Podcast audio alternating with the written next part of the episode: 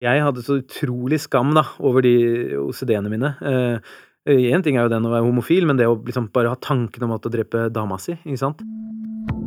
I denne episoden skal du få møte Håvard. Han fikk først panikkangst, deretter generell angst og uro, før han en morgen våknet med tvangstanker som ble vanskelige å leve med. Skulle han skade dama si? Skulle han ta selvmord? Og hva sa det egentlig om han at han tenkte disse tankene? Heldigvis fikk Håvard god hjelp underveis, og etter hvert fikk han tilbud om den mye omtalte firedagersbehandlingen. Det skal du få høre mer om i denne episoden av Noia.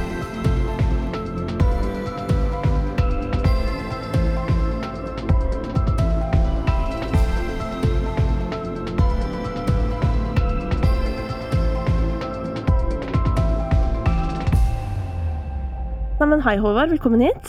Tusen takk. Du, hvem er du? Jeg er en 33 eh, år gammel gutt, eller mann, eh, som eh, hva skal man si, eh, har det bra generelt. Ja. Veldig fint nå. Ja. Eh, gikk på en liten smell for noen år tilbake. Eh, og har på en måte kommet meg ut og ja, gjennom ut av det, da. Mm. Så nå er jeg på en måte, føler jeg meg litt mer som meg sjøl igjen. Ja. Hvordan opplever du det, da? Å være seg sjøl. Ja. Ganske deilig. Ja. Kontroll over eget liv er ganske ganske deilig, og du tenker ikke på det før du egentlig ikke har det. Nei. Så det er nå, så når man får litt tilbake igjen, så, så er det ganske, ganske deilig. Mm. Hva var eh, forholdet ditt til angstlidelser eh, før du hadde et møte med det selv? Uh, jeg tenkte jo egentlig mest at det var bare folk må skjerpe seg litt. Uh, hovedsakelig har jeg egentlig bare tenkt på folk som har hatt at eh, ok, nå må dere ta litt tak, og det er ikke så farlig å, å være styre med, da. Mm. Eh, helt til man sitter der sjøl. Så, så får man litt annet eh, bilde på det. Ja. Merkelig nok. Merkelig. Veldig rart. Ja. Kan kjenne meg igjen i det. Hvordan eh, opplevde du ditt første møte med angst? Uh, nei, jeg var på jobb. Uh, hadde veldig mye å gjøre den dagen. Uh, hadde egentlig gønna på veldig mye over en lengre periode. Eh, vært jobb, jobb, jobb, jobbe helger. eh, vært en del ute på byen i helgene eh, etter jobb og sånne ting. Så han var egentlig litt mer sliten på mandag enn han var eh, på fredag. Og så plutselig en dag så sto jeg der og, og eh, fikk begynt å kaldsvette. Eh, begynte å få hjertebank, svimmel. Eh, fikk egentlig bare en tanke at nå, nå er det noe rart. Så jeg husker jeg gikk bort et vindu og tenkte jeg skulle lufte meg litt, og så gikk det liksom ikke over, da. For noen ganger får man en sånn kjølelse åh, nei, det var uggent, og så går det over. Men så gikk det ikke over, og så, så gikk det egentlig ja, litt og litt verre, og fikk mer og mer symptomer og begynte å kjenne mer etter. Og så, så tok jeg en eh, drosje ned til legevakta, da, for jeg tenkte nå, nå går det til helvete, egentlig. Eh, type hjerteinfarkt, eller nå, nå skjer det noe alvorlig, da. Og jeg var jo fullt av blodprøver og tenkte det kan være stoffskifte, det kan være diabetes, det er nok hjerte sant, Man går jo inn i noen, eller jeg i hvert fall, gikk inn i en ordentlig runde der og tok en haug med blodprøver og, og, og sto på det. Mm. Fatt ingenting. Og da alle de testene var tatt, Mm. og konklusjonen er eh, Håvard er fysisk sett Mm. helt frisk. Hva skjedde videre? Uh, nei, jeg har en del venner som er psykologer, da, heldigvis. Uh, så så prata jeg litt med de, og de bare Det hørtes jo ut som, ut som uh, at det var litt mer psykisk da, enn fysisk. Um, så de ba meg egentlig ta kontakt med en psykolog, og, og da gjorde jeg det. Uh, og han hjalp meg jo ganske bra gjennom den uh, perioden i starten, da. Spesielt det. Uh, og fikk en del øvelser jeg skulle gjøre hjemme, fokus på eksponering og, og kognitiv terapi og den biten der. Og, og fikk jo roa det en del, Mm. samtidig som man liksom Eller jeg i hvert fall holdt på i jobben og gønna på og kjørte på videre, da. Det var ikke noe Stoppa ikke der. Nei, Så du tok ikke noe roa ned, tok noe pause? Nei. Jeg er veldig glad for det nå, eh, egentlig. For det, det, det er en sånn eh, Eller jeg tror i hvert fall mange opplever det, at det, det er veldig lett å, å legge skylda på jobben. Når man, når man opplever noe sånt, og ikke ta så i hvert fall, Jeg kunne ikke ta det til meg, det er ikke min feil at jeg endte opp i den situasjonen. Det var liksom jobben. Jeg har gunna på for mye. Så ble jeg egentlig pressa litt av både foreldre og kjæreste til å fortsette å dra på jobb, og, og stå i det der. Eh, sto jo i jobben med masse svimmelhet og kvalme og kasta opp hver dag og, og holdt på. Uh, men det gjorde iallfall at jeg fortsatte å jobbe, sånn at jeg ikke ble redd for selve jobben. For det er jeg veldig glad for nå. For det hadde vært vanskelig å komme tilbake igjen, tror jeg. Mm. Jeg var jo borte fra jobben i åtte dager, Ja. og er helt Altså, jeg er sjokkert over hvordan det opplevdes å komme tilbake på dag ni. Ja. Det var helt uh, Det ja, det var faktisk det. Men samtidig så tenker jeg at for noen er det jo riktig å ta den pausen. Mm. Men jeg tenker òg at det er viktig å, å, være bevisst da, på hva som kan være den potensielle effekten Mm. ved å være borte. nettopp at det kan bli det store monsteret som på en måte blir skylden i, i hvordan ting har blitt. Mm. Og det var jeg veldig glad for at jeg ble pressa. Jeg sto jo Jeg tok jo trikken. Først så kasta jeg opp rett før trikken, og så kasta jeg opp når jeg gikk av trikken, og så kasta jeg opp når jeg gikk inn på jobb. Og så behandla jeg og gjorde det, og kasta opp vel eh, de neste hva var det? Neste to-tre månedene kasta jeg vel opp hver dag når jeg gikk på jobb. Så det var bare en sånn full reaksjon på det, da. Men dette her, dette må jeg også bare si, Håvard, at jeg blir så nysgjerrig på hvordan klarte du å motivere deg gjennom de to-tre månedene? Nei, nei, det er et godt spørsmål. Da. Jeg er jo en sånn Jeg liker jo å jobbe. Jeg jo det er spennende. Uh, og så jeg, jeg gir liksom ikke opp. Jeg syns ikke det er noe Det å bare sette seg på sofaen og, og vente på at det her skal gå over, det ga liksom ikke noe, det heller. Så, så det å liksom fortsette får heller kaste opp litt, da. Eh, og ufrivillig mi, som jeg kalte det så fint. Hva, Eh, hva kalte du det? Ufrivillig mi. Jeg kasta ikke opp med vilje, men det kom hver dag. så det var liksom ikke var ikke nøye planlagt. Eh, jeg vet ikke, det, bare, det var bare naturlig. kanskje litt hjemmefra at man ikke man, man er liksom ikke hjemme fra jobben hvis ikke det er Ja, fått beskjed om det. Ikke sant? Men eh, hva var det du lærte da av psykologen i denne perioden? For du må jo ha fått noen eh, gode tips derfra som gjorde at du faktisk holdt deg gående?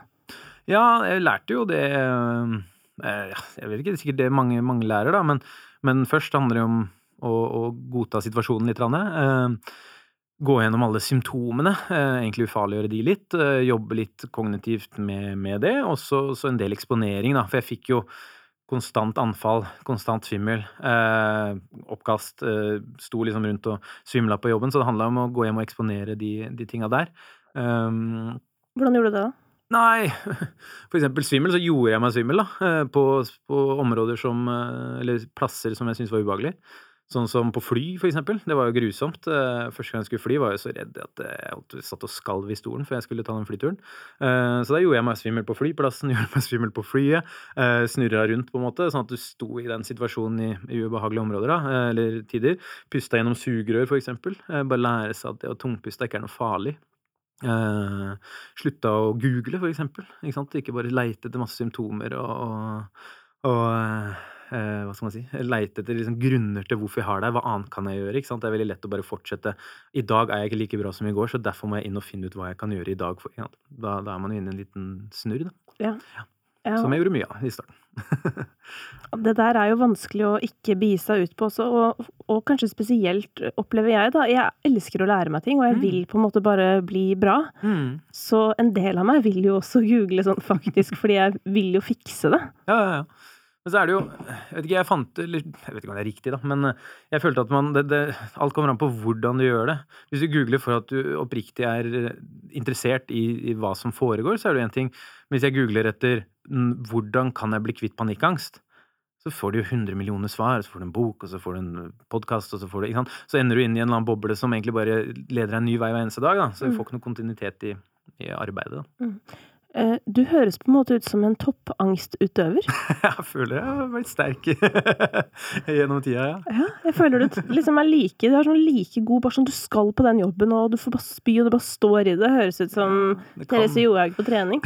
ja, det kan være. Jeg vet ikke, det var bare sånn jeg valgte å Jeg gikk jo privat rett med en gang, da. Mm. Um, Så det kosta en del penger, men det, det var liksom sånn jeg valgte å gjøre det. Og, og, og, og når jeg får arbeidsoppgaver, så er jo de gjort Du får jo arbeidsoppgaver for å gjøre de. Jeg, får ikke, jeg dro ikke psykologen for at han skulle snakke meg frisk, på en måte. Eller det skjønte jeg fort at det ikke var casen, da. Um, så da blei det jo at uh, må gjøre de arbeidsoppgavene man får beskjed om, og så og kan liksom ikke gjøre så veldig mye mer enn det. Tenker jeg. Men um, du fikk altså delvis uh, kontroll over panikkangsten din. Ja. Hva skjedde videre i livet ditt?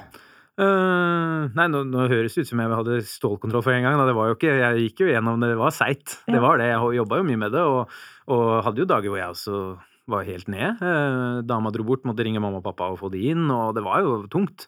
Men sånn i ettertid så, så glemmer man jo fort de der kjipe tinga. Det er jo det er fort å se de tinga man har gjort riktig. Uh, etter det så, så gikk det jo Panikkangsten fikk jeg jo kontroll på. Og så gikk jeg jo inn i en sånn generell angstperiode. Uh, hvor jeg egentlig bare var nervøs for å leve, egentlig. Uh, for Hvordan, hvordan kjente du det på kroppen?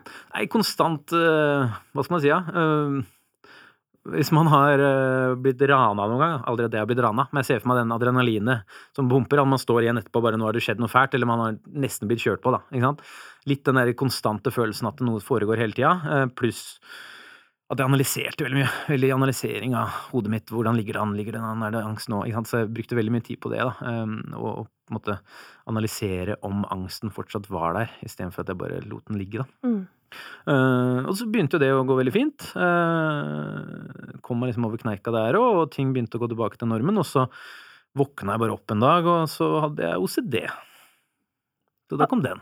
Ja, da begynte noe tvangsgreier å dukke opp. Yes. Nei, tvangstanker har jeg hatt i livet, men da kom ikke bare tanken at uh, hva hvis jeg dytter mamma ned trappa, uh, men livredd for selve tanken. Det var da det liksom dukka opp, og den tanken ville ikke bort. Den bare var der hele dagen, hele tida.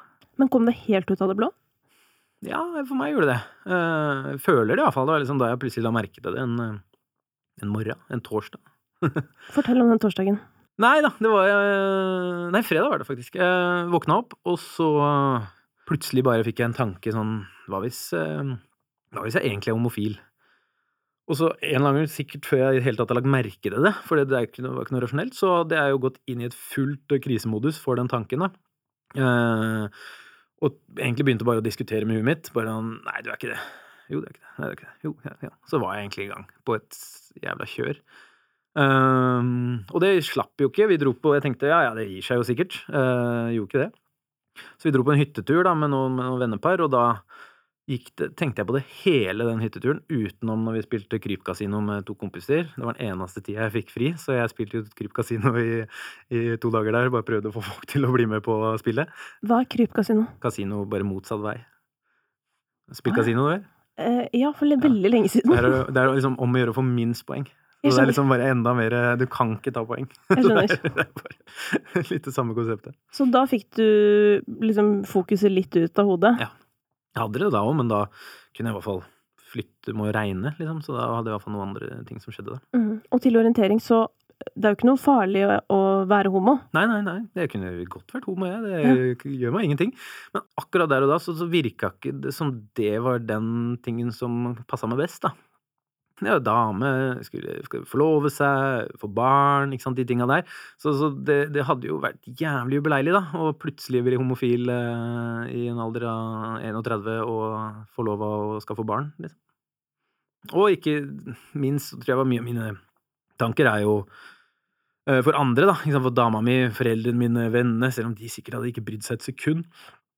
Så hadde det jo snudd eh, opp ned for veldig mange, og, og føler nok at jeg gjorde det litt mer Ja, jeg gjorde nok den krisa der mer, mer hva skal man si, reell enn det det egentlig var, da, for meg. Eh, om jeg var det, så, så, så hadde det sikkert gått helt fint, men jeg tenkte mye på de rundt, da. Mm.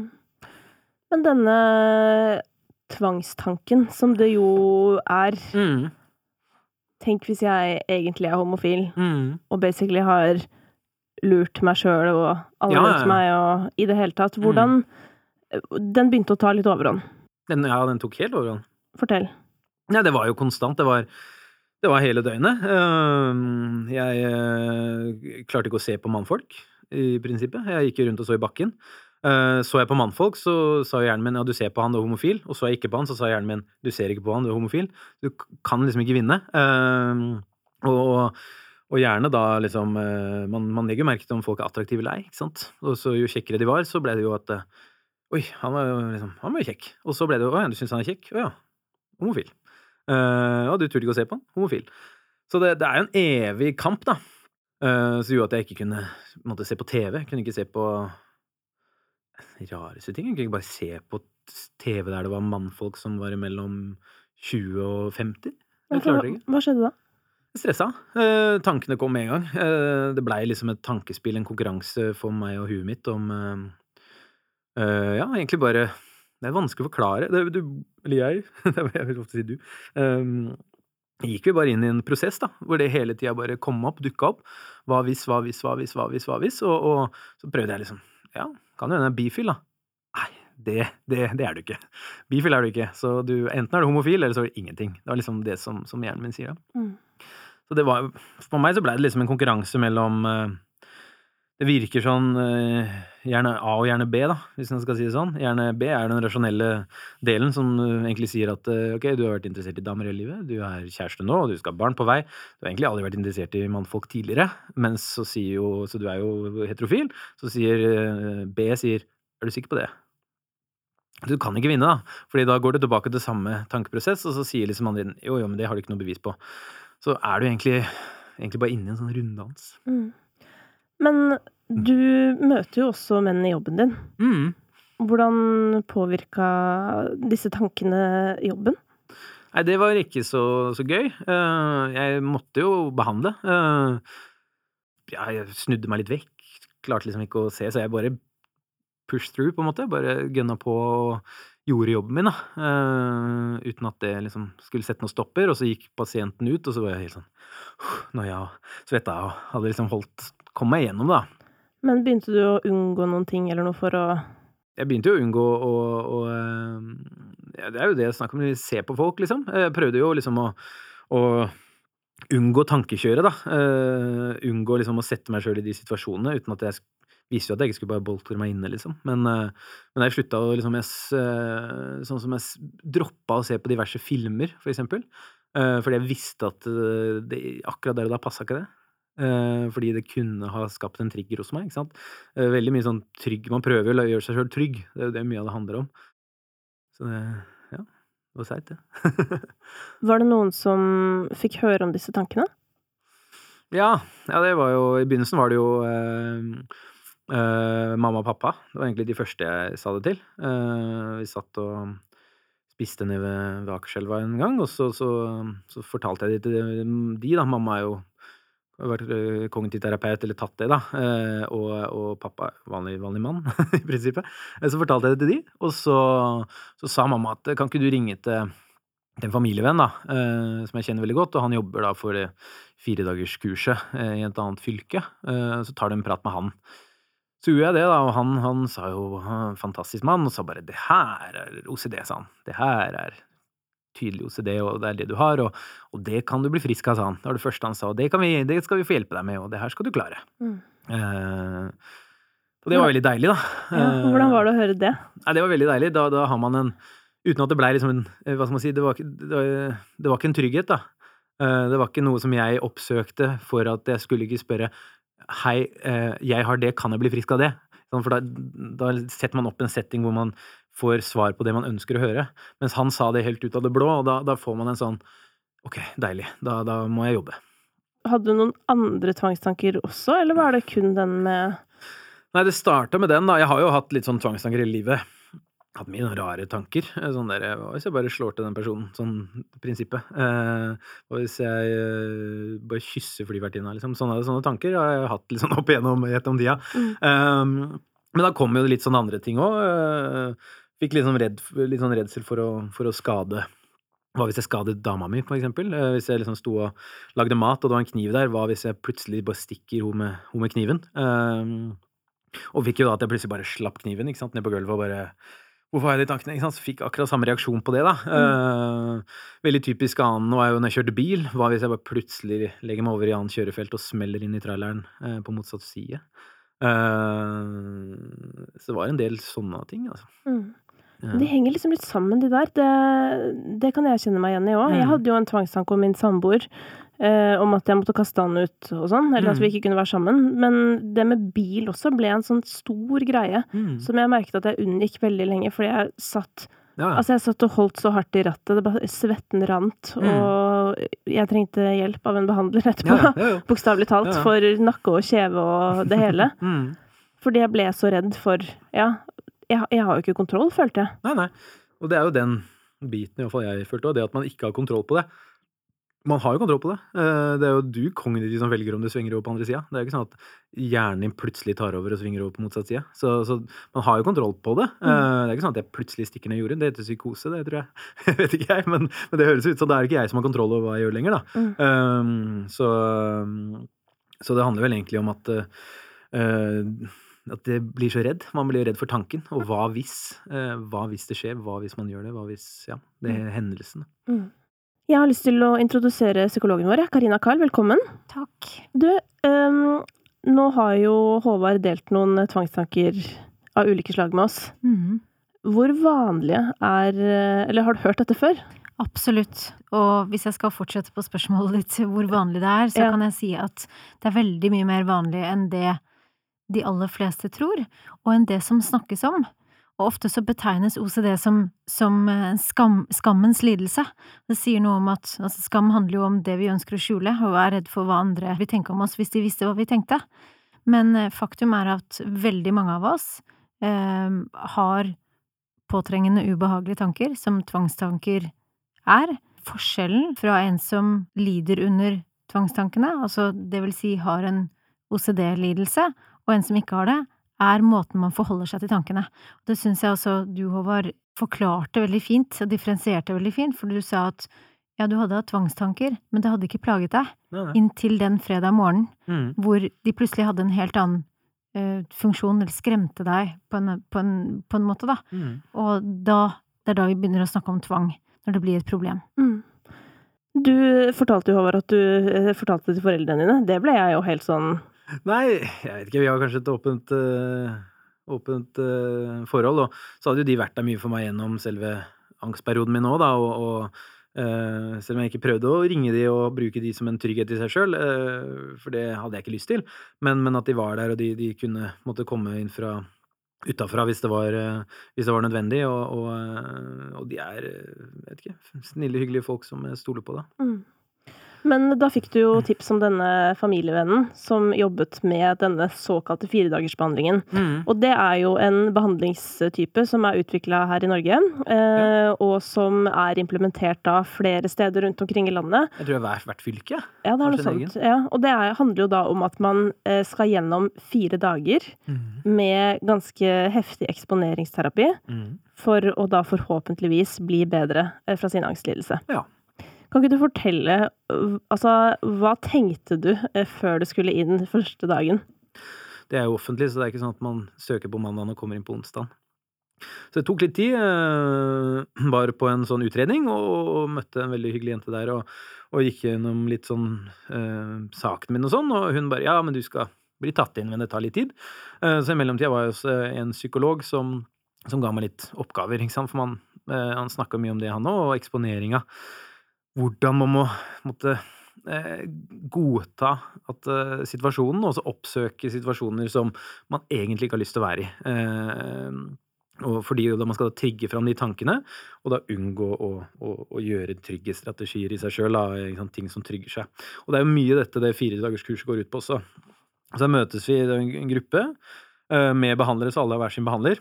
Eh, og da satt man rundt et bord, og alle liker liksom gjennom litt sine egne plager og, og, og hva som var eh, Hva som var eh, Hva som liksom folk hadde hatt, og hvor lenge de hadde hatt det, og sånne ting. Og det var jo veldig fascinerende, for da ser man jo plutselig at, eh, at folk har veldig mye rart. Veldig mye forskjellig.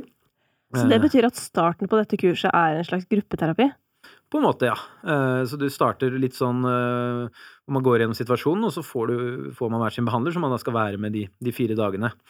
Da var du ute på behandling, da. Ute på eksponeringsjakt. Ja.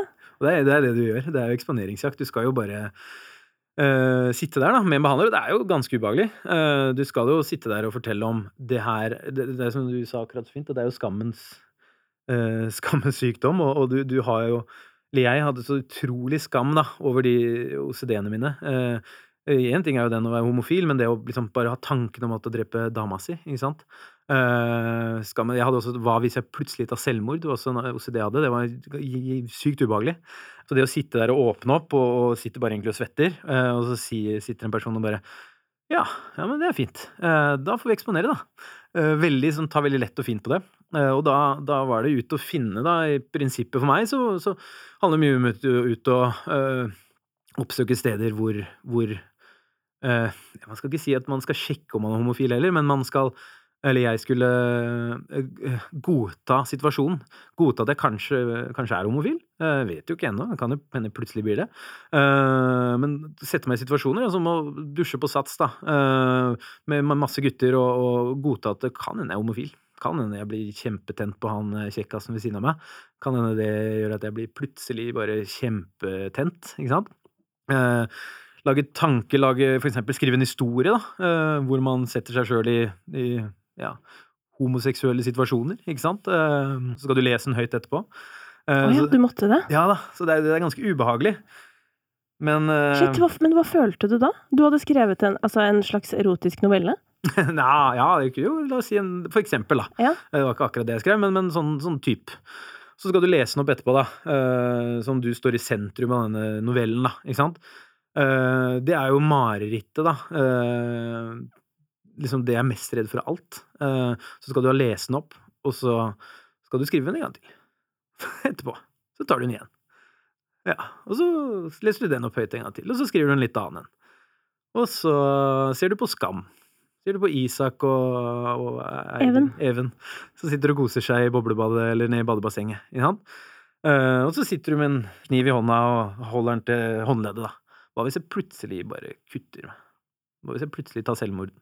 Så du setter deg inn i alle disse situasjonene, og det er jo det er drit, det. Det handler jo om å eksponere seg for, for tankene, for Mm. å skape en eller annen form for avstand til de også. Fordi det som ofte skjer, er jo at man blir jo naturlig nok så redd for de tankene at man kommer til å identifisere seg med de. Og også forveksle det at man blir redd med at man kan kunne komme til å handle på de.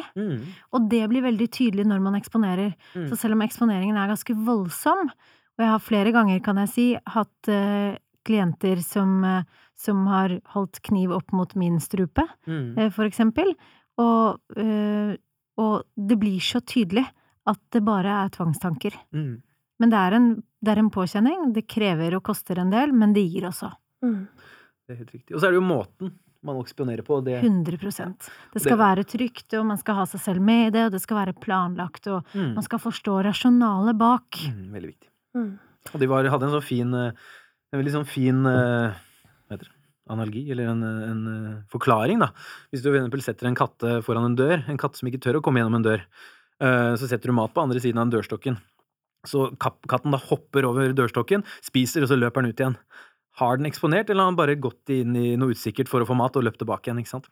Så hvis katten hadde rolig spankulert inn, spist litt mat, stått der, sett seg rundt, hatt det ja, her var det jo trivelig og greit, og så gått ut igjen, så har du på en måte gjort en eksponering. Ja, fordi hvor stor del av denne firedagersbehandlingen var på en måte forberedelser, da, å snakke om det som skulle skje? På forhånd så skulle man skrive opp en del eh, eksponeringsoppgaver som man tenkte var bra. Eh, og liksom man må jo grave litt i OCD-en og finne ut hva er det som er kjipt. Mm. Hva er det jeg sliter med? Og, så, og så gå litt inn i eh, Gå litt inn i hva er liksom det verste, og så, så setter man opp, og så starter man jo mildt, da. ikke sant? La oss eh, sette på Even og Isak, eh, la oss ta det som en enkel greie, ikke sant. Eh, La oss bare sitte og tenke hva hvis jeg dreper dama mi med kniv? Bare sette seg i bilen og kjøre til Skøyen. Hva var det mest utfordrende å gjennomføre av eksponering for deg? Det var nok de der dusjgreiene. Fordi jeg hadde bestemt meg veldig Jeg er jo gammel idrettsutøver, så jeg har gjort det hele livet. Eh, For meg ble det en sånn derre Jeg vet ikke. Det var sånn derre Det blir for teit. Men det var jo det var et stort problem, da. Så jeg hadde bestemt meg at nei, nå skulle jeg nå skulle jeg på håndballtrening og, og, og dusje, da, men så blei det ikke dusj, fordi det var Norway Cup. Så da kjørte jeg da til, til, til en sats og dusja der istedenfor. Det, var- det, var- det var fælt. Da skalv jeg og sto og, sto rista, egentlig. Eh, men så gikk jo det bra, det òg. Hvordan opplever du å snakke om dette nå? Jeg er litt uh, lett, lett våt, men det går greit. Jeg Blir litt stressa av det, men jeg har fått det litt på avstand nå, da. Nå. Uh, og, og eh, problemet med en av mine tryggheter, det var jo Man har jo en del tryggheter. Ikke sant? Man prøver hele tida å trygge seg sjøl. Og det er jo den I hvert fall i min OCD så, så er jo det en av den eh, compulsive, da, eller at man prøver å Veldig mange har jo vaske, de må vaske hendene, andre må ta på flasker, noen må banke i døra, ikke sant. Mens min type så er det mer eh, psykisk, da. Eh, trygghet. Man jobber mer med tanker rundt det, og på en måte mye sjekking. Ikke sant? Sånn eh, Ble jeg tent? Skjedde det noe i kroppen? Altså den biten å, klare å eksponere uten at man liksom går inn i Bruker de trygghetene, det er det som er vanskelig, fordi man har veldig lyst til å kjenne om det skjer noe, eller sjekke med tanken, eller jobbe imot det, da. Og den er liksom det vanskelige. Eh, det å stå det er jo én ting, men det å liksom klare å liksom være i nuet og, og, og trygge det, da. Mm. Eller trigge det ordentlig. Ja, Hender det at de dukker opp fortsatt? Ja, noe av det dukker opp. Mm. Ja. Og da er det jo det er det jo Og det er veldig vanlig, tror jeg. Eh, og det er det jo godta situasjonen, da. Ikke sant? Eh, la oss si jeg får en flott ny OCD at jeg mister sønnen min i bakken når jeg bærer den, da. Så får jeg bare fortsette å bære den, da. Ikke sant? Hvis jeg legger den fra meg, så, så har jeg jo egentlig sagt at ok, den redselen min, den er reell. Mm. Men, eh, men eh, hvis jeg bare fortsetter å bære rundt på den, så, så får jeg bare ha fokus på det jeg driver med, istedenfor å gå inn og, og leke med den tanken videre. Mm. Karina, jeg, jeg, jeg kan ikke styre meg fra å si dette, men jeg tenker, tenk hvis alle hadde vært som Håvard. Hadde, hadde, hadde lettere psykiske lidelser eksistert da, eller skjønner du? Jeg har et veldig fint poeng. Jeg tenker på det samme. Jeg fikk lyst til å si takk. For eh, du deler og setter fokus på noe som er mangelvare, vil jeg si, i aller høyeste grad. Mye fordi det er mangelvare i seg selv, dette med å, å formidle kunnskap om, om, om tvang, om OCD, men de aller fleste forbinder det med tvangshandlinger, som å måtte ta fem ganger i håndtaket, eller å sjekke og kontrollere reelle fysiske ting, men det er veldig få som snakker om det som foregår på innsiden, som er usynlig, Mm. å ha kontroll på tankene, og ha sjekkeatferd på tanker, og mye som er ja, nettopp usynlig og foregår inni en selv. Mm. Men allikevel, Håvard, så slår du meg jo som en, som jeg sa, toppangstutøver, fordi at jeg tror Jeg tror jeg aldri har møtt noen som har jobbet så aktivt med utfordringene sine. Eh, Det virker jo som du Du har jo ikke latt deg selv ha det dritt i to sekk, virker det som. Nei, og det har jo vært et problem, faktisk, det òg. Det er litt sånn rart å tenke på. Men eh, jeg gjorde for mye, rett og slett. Jeg eksponerte meg konstant, så på meg så blei jo til slutt eh, eksponeringen trygghet. Men man kan jo få litt sånn tvang på det også, Mm. og bli, som det ligger i betegnelsen, obsessed. Mm. Obsessive compulsive. Og kanskje handler det om å bli kjent med sine egne mønstre. At man har en tendens til å få oppheng og bli litt sånn besatt. Og så er det en fordel, det er en styrke, hvis man bruker den på en riktig måte, på en måte som gagner en selv. Mm. En ting som jeg begynner å tenke litt på når jeg snakker med deg, Håvard, det er jo dette her med hvordan vi alle er forskjellige, og at du har på en måte tatt alle oppgavene du har fått på strak arm, og du har bare dura på og liksom gjort alt du kan for å bli bedre. Mm. Og det gjør jo at man fort kan stigmatisere folk som ikke gjør det. Mm. Uh, og der har jeg lyst til at du skal nyansere litt, eh, Karina, fordi at vi er jo ikke alle rusta til å klare å ta opp alle oppgaver fatt uh, umiddelbart. Absolutt ikke, og det er heller ikke suksesskriteriet. Man skal være der man er, og som behandler så, så ligger jo kunsten i å møte mennesker akkurat der hvor de er, og identifisere hva er det som kommer i veien for at man kan få det bedre. Og mye handler jo om å avdekke underliggende antagelser. Altså, som pårørende til mennesker med tvang, hva tenker du, Karina, at er den beste måten å Altså, hvis du har en tvangstanke om at du er redd for at du skal for eksempel drepe barnet ditt eller samboeren din, hvordan skal man presentere det? Ja, og der tenker jeg at det er viktig å, å snakke om hva tvangstanker er, fordi hvis man forstår hva tvangstanker faktisk er, konseptet, så vil ikke tanken være farlig. Det er jo hele poenget, at den som lider under tvangstanken, er jo redd for at tanken skal bli sann, at om man, opplever jeg i hvert fall ofte, eh, eh, om man kan være en person som kan kunne komme til å handle på den tanken. Mm. Hva vil det si om meg? Som om man er i tvil om hvem man selv er, og tvil er nettopp en av kjennetegnene. Men jeg tenker at hvis man som pårørende setter seg inn i hva, hva er en tvangstanke egentlig, så handler det om å møte personen som lider under dette, med en aksept, og på en måte som gjør at personen føler seg eh, elsket og verdsatt og akseptert med alle de tankene. Det er ikke en eneste tvangstanke som kan få meg til å gå fra deg. Ikke sant? Det, det er det vi egentlig trenger å høre, alle sammen. Men her er vi jo inne på igjen det at det vi alle trenger som samfunn, er jo den kunnskapen. Eh, fordi at det er jo veldig vanskelig å avdekke tvangstanker hvis ikke den som bærer tanken, deler det. Og tenk hvis vi hadde visst det, tenk hvis det hadde vært kommunisert, tenk hvis vi hadde lært det, for eksempel allerede på barneskolen, at tvangstanker er påtrengende og ubehagelige tanker, de kan manifestere seg på, på eksempelvis Mm. følgende måter, eh, og da alt fra seksuelle, voldelige tvangstanker, som er veldig ganske vanlige, det kan være alt fra frykt for å være homofil, det kan være frykt for å komme til å skade noen, eller skade seg selv. Det kan være frykt for å begå overgrep.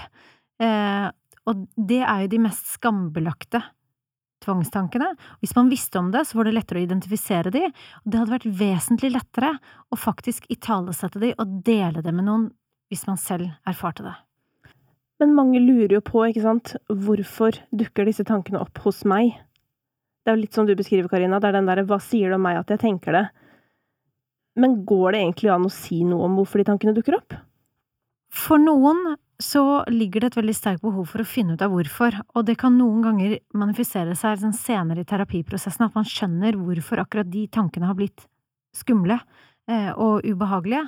Det vil si, vi kan fortsatt ikke finne ut av hvorfor akkurat de tankene har kommet, fordi vi alle har flere tusen tanker i løpet av en dag, og tanker er liksom mentale hendelser, akkurat som været, det er vårt indre vær, sånn at det sier i utgangspunktet ganske lite om oss, hvilke tanker vi har, men det handler mer om måten vi relaterer til dem, og det er jo nettopp det man jobber med når man eh, jobber med OCD, for eksempel. Mm. Eh, liksom metakognitiv terapi, måten man forhold, forholder seg til tankene, heller enn eh, fremfor å identifisere seg med dem. Mm.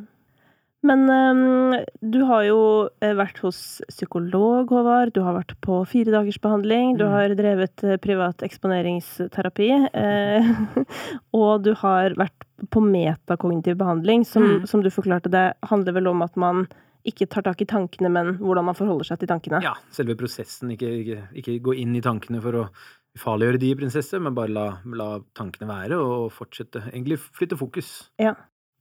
Hva vil du si er eh, det viktigste du har lært av de erfaringene du har hatt med, med angst og tvangstanker? Nei, sånn personligmessig så, så er det jo at jeg er eh, At jeg har kanskje litt mer dybde. Jeg har veldig, jeg har egentlig vært veldig konfliktsky. Uh, egentlig latt veldig mye ting gå forbi meg, på en måte. Bare godtatt veldig mye. Uh, veldig glad etter å glad i å please andre, og, og, og at eh, Husker at det er en, en, en person til her, at jeg må tenke litt på meg sjøl og, og ha fokus på, på meg selv og, og, og, de rundt meg, og kanskje ikke bry meg så mye om hva alle andre, hvor bra alle andre har det, eller hva alle andre tenker om meg, eller eh, sånn, egentlig. Mm. Jeg ble litt nysgjerrig på hvordan du tenker om angst nå, i forhold til eh, for til- tre-fire år siden. Eh, nei, jeg tenker jo at det er mye mer, mye mer reelt da, enn jeg gjorde da. Eh, at det er mye mer eh, eh, det er veldig reelt. Eh, men at folk må, må ikke ta ikke, ikke kaste rundt seg med det. Eh, ikke bare 'Jeg hadde angst i går. Jeg hadde angst da. Uff, jeg er sliten. Jeg har angst.' Ikke, bruk det som, en, eh, som et hverdagsord. Eh, når du har det, så, så, så er det ting man kan jobbe med, ting man kan komme seg ut av. Det er kjipt.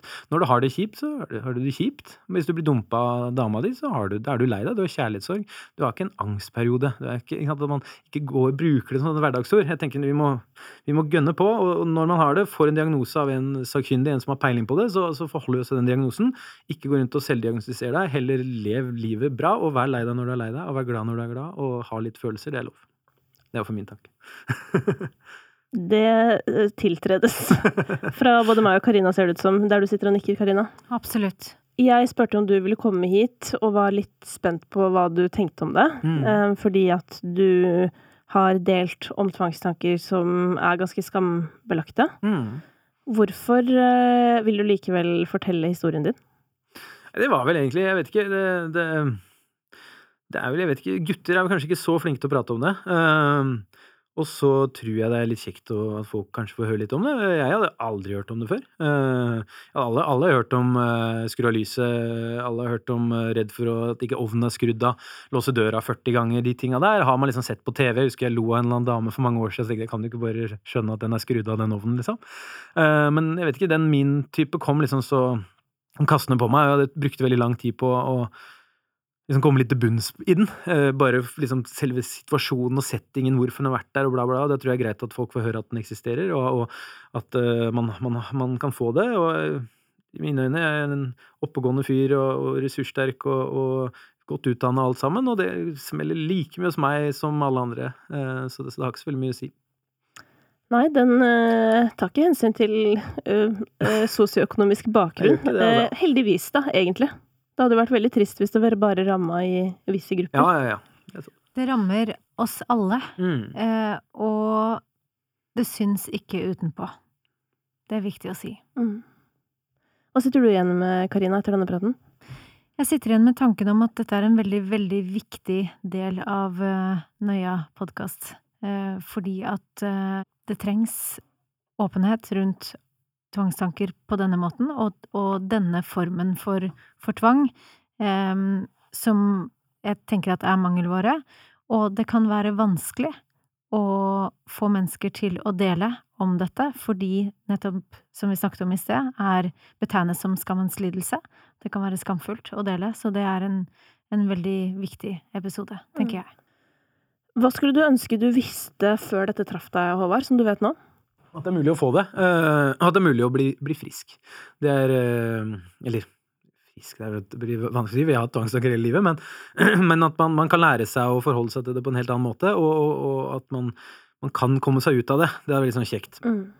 Og det som er en sånn ting som jeg syns var veldig fint også, bare sånn helt på tuppen, med, med firedagerskurset Jeg har jo jeg er ikke sponsa, men, eh, men, det var sånn veldig fint, for man hadde, man hadde, en enighet når man kom den dagen her, at eh, det alle de andre som var der deres situasjon, det fikk være deres situasjon. Vi kan gjøre litt narr og hjelpe hverandre litt og, og, ha en veldig lett tone når man var der, men når man gikk derfra, så, så er det ikke min, min, greie å prate om hva, hva andre sleit med. Det, det, det, får være deres greie. Man har lyst til å snakke om sin egen, så, så er det greit. Og, og, det er veldig fint. Da er du en trygghet og, og vet at du kan kanskje synes det er kjempeskam, det, du, det man får behandling for, men de som er der, de har ikke noe grunn til, grunn til å snakke om din. De har sin egen, egen eh, lille tvang å holde på med. Mm. Ja, vi er mest opptatt av oss sjøl. Dessverre, og heldigvis. ja. Jo, for når det er skam, da er man litt opptatt av seg sjøl. Ja. Håvard, tusen hjertelig takk for at du ville komme. Bare hyggelig.